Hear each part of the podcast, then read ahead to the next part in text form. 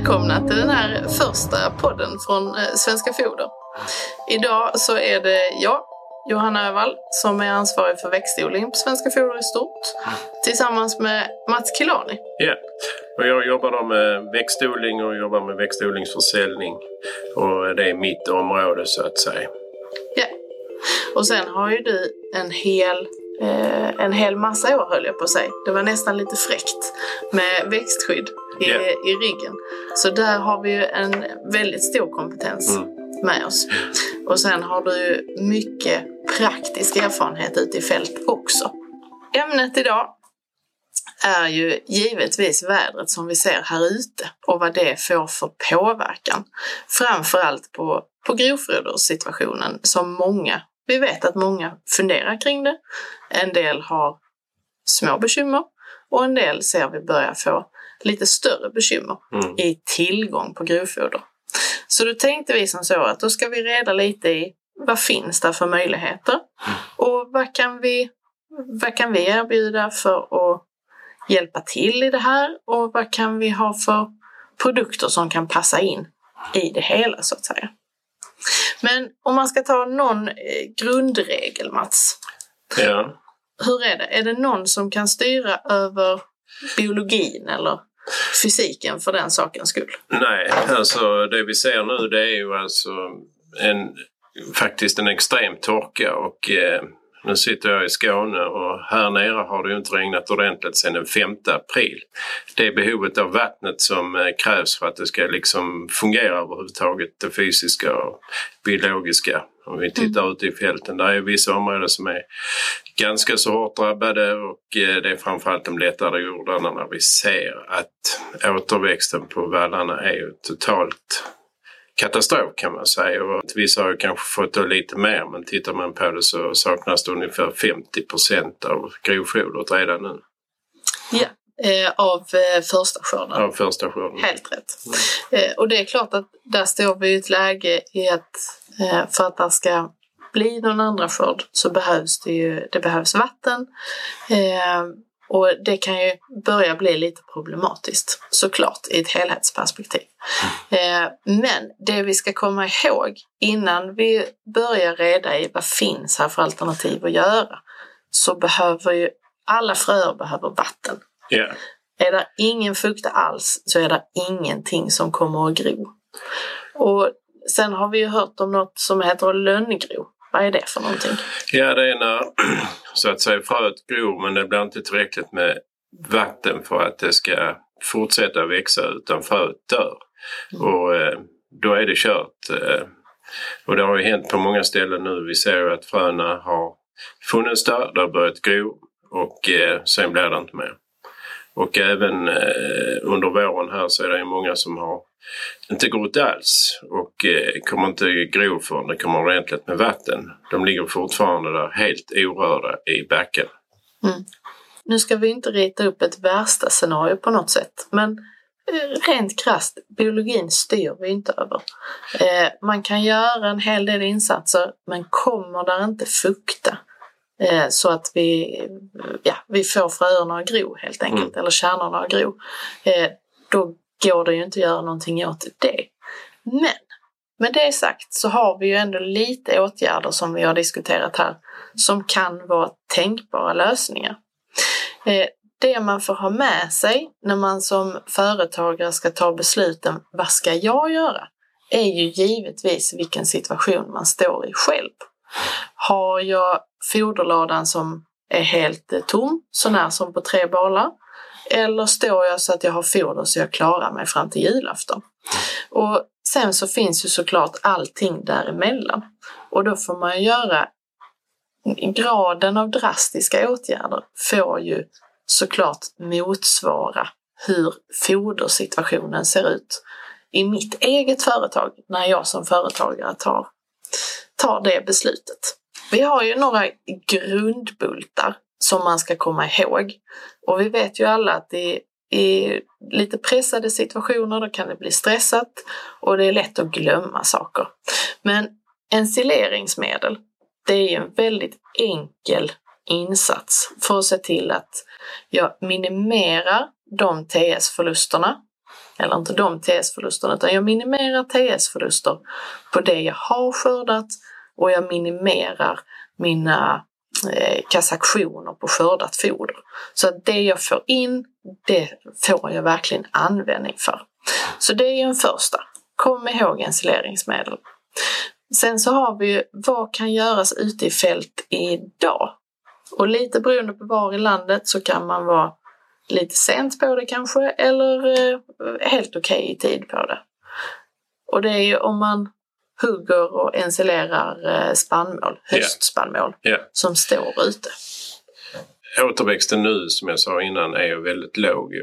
Och eh, de som inte odlar ekologiskt kanske ligger gödning för att få igång det men det är också så att då krävs det regn. För att kalksalpeter ska fungera så krävs det minst 10 millimeter för att den ska utlösa. Och eh, nu lovar de kanske lite regn på sina håll och eh, det kan ju vara så att kan man träffa in det så kan man ju få igång återväxten. Mm. Men om man ändå fattas eh, grovfoder så är det ju på det viset att man kan ju ensilera det mesta som växer där ute. Och eh, det är många idag som redan har börjat och ensilera både vete, råg och rågvete. Och det är ett sätt att lösa problemet på. Mm. Jag vet inte vilka, vad man ska tänka på då när man tar de besluten Johanna. Jo, men där finns ju såklart en grundbult och det är ju har jag skrivit ett spannmålskontrakt på någon av den varan som jag tänker att oh, det finns ute i fält, det klipper vi. Har man skrivit ett spannmålskontrakt så är ju givetvis eh, innebörden av det att spannmålen ska levereras. Så då får man ju såklart räkna efter hur mycket behöver jag ha ståendes kvar i fält för att leverera in den mängden spannmål som jag har kontrakterat? Och räknar man då lite snabbt och inser att nej, hela fältet måste vara kvar, för jag vet inte vad det blir av det här. Då får man ju såklart börja tänka sig om, har jag någon eh, granne eller kompanjon någonstans som har fält som inte är sålda, så att säga. Eh, som man kanske kan köpa på rot och och, och åka dit och, och slå det. Va? Och med det sagt så ser vi att om man eh, antingen man åker ut och slår ett fält eller man ser att ja, men fram eh, när vi kommer in i en skörd fortsätter det här vädret så kan vi ju gissa att det blir en ganska tidig skörd. Och då finns det ju fina möjligheter att så vårspannmål, havre eller korn till exempel. Ja. Och eh, tittar man på möjligheterna så är det samma som innan. Det måste vara fukta i marken för att det ska fungera. Men är det det så kan man ju få en rätt hygglig eh, skörd om man sår det direkt efter man har skördat så att säga och ser till att få ner det och göra en bearbetning så att det gror. Mm. Och eh, sen kan man ju eh, ensilera det eh, under hösten. Det kan ju stå rätt länge innan man tar det innan frosten till med så att det får möjlighet att växa till sig. Och, och eh, då blir det rätt hyfsat. Och det ska ju också sägas att alla de här eh, alternativen som vi pratar om, att det är klart att man vill tänka kvalitet på grovfoder, mm. men nu kanske vi står i ett läge där man också måste ha fokus på en kvantitet. Mm. Eh, ett annat alternativ är ju Västervolles drygrass Mm. Där har vi också goda erfarenheter. Eh, det man ska tänka jämförelsen havre eller korn eller ett västervolliskt trädgräs är ju att eh, ett gräs får kanske ses som mer mjölkdrivande men i ren eh, skörd per hektar så får du inte lika mycket grovfoder av ett västervolliskt trädgräs som du får av ett helsädesensilage på eh, korn eller på havre. Men är behovet inte enormt så får man ju en, en trevlig ekonomi i att så ett västervaldiskt eh, rägräs och ta det. Men det är ju framförallt då för mjölkbönder om jag förstår dig rätt? Ja, givetvis, mm. givetvis. Det, det är lätt att, eh, att bara ha ett fokus här men det finns ju många. Mm.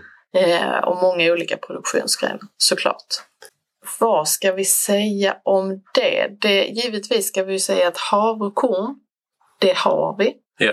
Eh, vi har det både i lager och vi håller på i detta nu och producerar fram ännu mer för att kunna erbjuda den här lösningen eh, till våra kunder. Och sen så har vi även lite möjligheter när vi tittar på höstspannmålen eller höstutsädet. Eh, och en möjlighet är ju en höstråg. Den skulle man ju, om man har eh, regn i sikte eller fukta i backen, eh, den skulle man kunna etablera nu.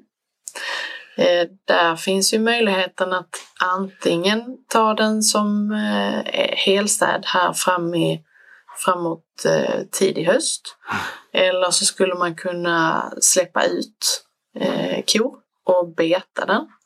Eh, lite okonventionellt kanske, men vi har sett de erfarenheterna från 2018 och de som har varit drabbade av försommartorka har vi också sett har praktiserat det med ett eh, helt okej, okay, får man väl säga, eh, resultat. Det är kanske inte bete av råg som, som driver mjölk allra mest, men det kan ju vara ett sätt att hantera eh, grovfodersituationen.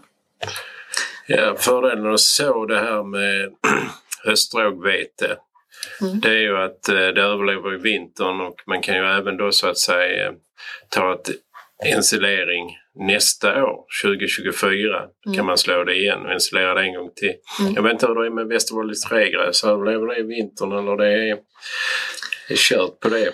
Bra fråga med många svar.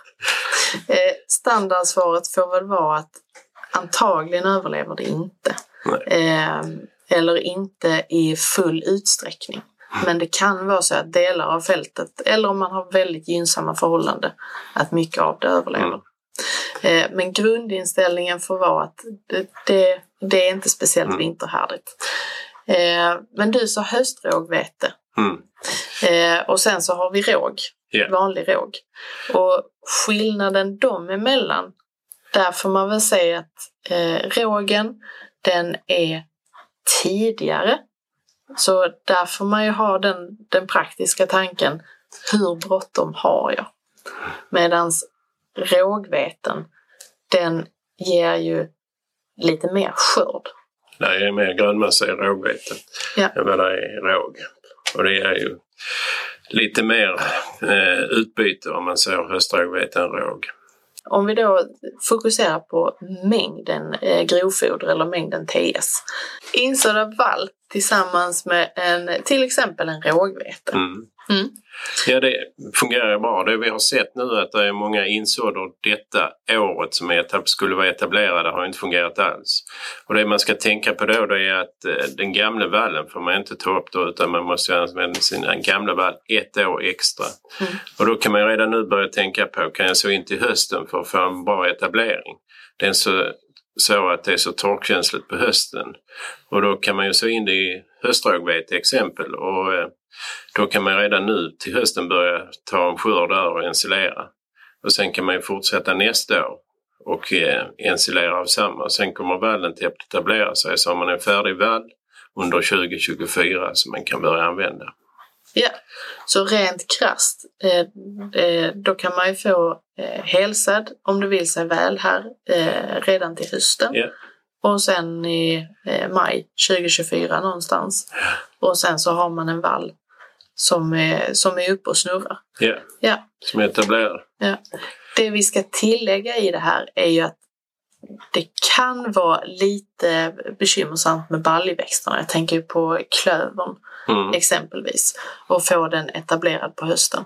Eh, ibland kan det gå väl men eh, oftast så ska man vara beredd på att det är kanske den som tar en del stryk. Mm. Men då kan man ju givetvis välja en vallblandning därefter. Yeah. Så att man har mer, mer tyngd på, eh, på gräsen helt enkelt.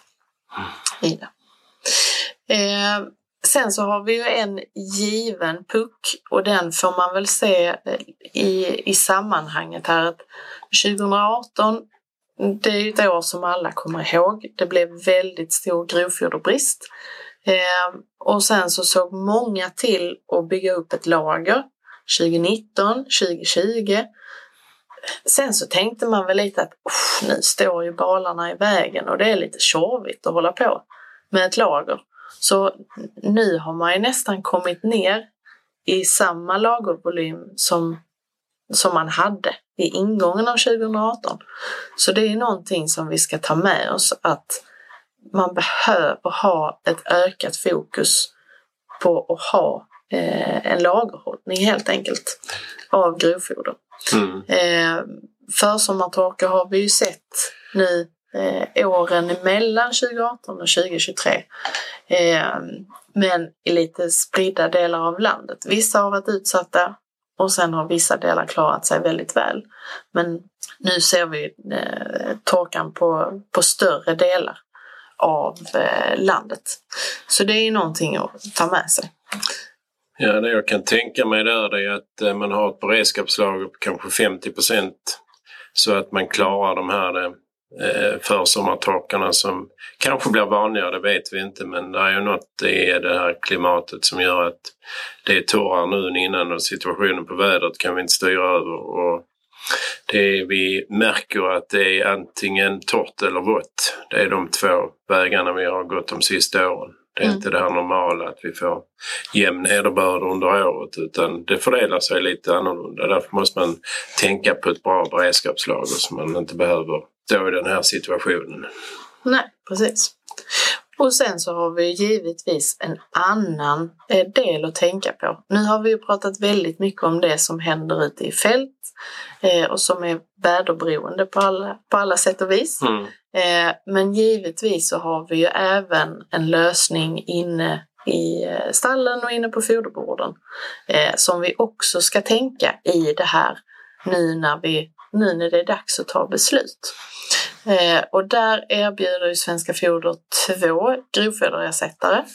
En rosa grön mix i pellets och sen så har vi en rosa fiber grönmix som finns både som pellets och pelletskross. Eh, och det vi lärde oss av 2018 är ju att de här grovfoderersättarna är ju väldigt mjölkdrivande. Så i hela balansgången tillgång på grovfoder, eh, kraftfoder i komplement tillsammans med grovfodret och sen att hålla en god avkastning så att vi hela tiden har ett inflöde av intäkter i företaget. Nu är det klart, nu, nu blir det mycket fokus på mjölk här va, men det är kanske där situationen är eh, mest alarmerande Mm. för stunden. Eh, och där skulle vi ju säga att börja redan nu och göra de insatserna som går. Eh, grovfoderersättarna, de går ju att börja med. Och sen får man ju tänka att får vi nu ett väldigt gynnsamt väder här vad det lider. Midsommar brukar ju alltid vara en... eh, det brukar all. Exakt, det brukar vara en garant i Sverige på Mm. något sätt. Eh, och i år får vi verkligen hoppas på det. Eh, men skulle vi få en fantastisk tredje och fjärde skörd och helsäd som funkar alldeles ypperligt här fram till hösten, då är det inte värre än att man kan minska på grovfoderersättarna. Utan eh, gör en insats ta, ta några beslut redan nu så att man inte väntar tills dess att det är eh, kris på riktigt. Va? Nej, Och så får vi ju hoppas att vi inte kommer till Nej, kris. man får utgå från det värsta redan nu så får vi hoppas att det inte blir så. Men Ja. då är ju ersättarna en bra möjlighet. Jag tänker på halm också. Alltså detta året så eh, vi tittar på vete till exempel så är den ju inte mer än hälften så hög som den brukar vara ju. Mm. Ensilerar man då så veten till exempel så blir det ju så att man får en halmbrist i slutet. Jag vet inte hur mycket halm man kan eh, eh, fodra korna med. För eh, liksom att de ska ha sin eh, eh, dagliga ranson och tugga. Nu är vi ute på, på lite tunn is här, det ska vi ju erkänna. Eh, men eh, det vi såg 2018 eh, är ju att man kunde ge betydligt sämre grovfoder eh, i den bemärkelsen. Eh, lägga med ändå en grovfoderersättare som en rosa grönmix och hålla en betydligt högre produktion än vad någon kanske hade väntat sig. Så eh, man ska inte bli förblindad av situationen utan man ska se vad har vi för möjligheter att göra? Och sen så ska man se till att börja i tid. Mm. För då har man alltid möjligheten att justera. Ja, det är riktigt. Men eh, jag tror vi, vi tackar för oss där Mats. Ja, jag tror att vi har klarat ut det här rätt så bra. Och eh, där finns inte mycket mer att tillägga utan det är bara att hoppas på regn. Så mycket som möjligt. Vi hoppas på regn och så önskar vi våra kära kunder och lantbrukare ett, eh, ett stort lycka till. Ha det gott! Ha det gott! Tack!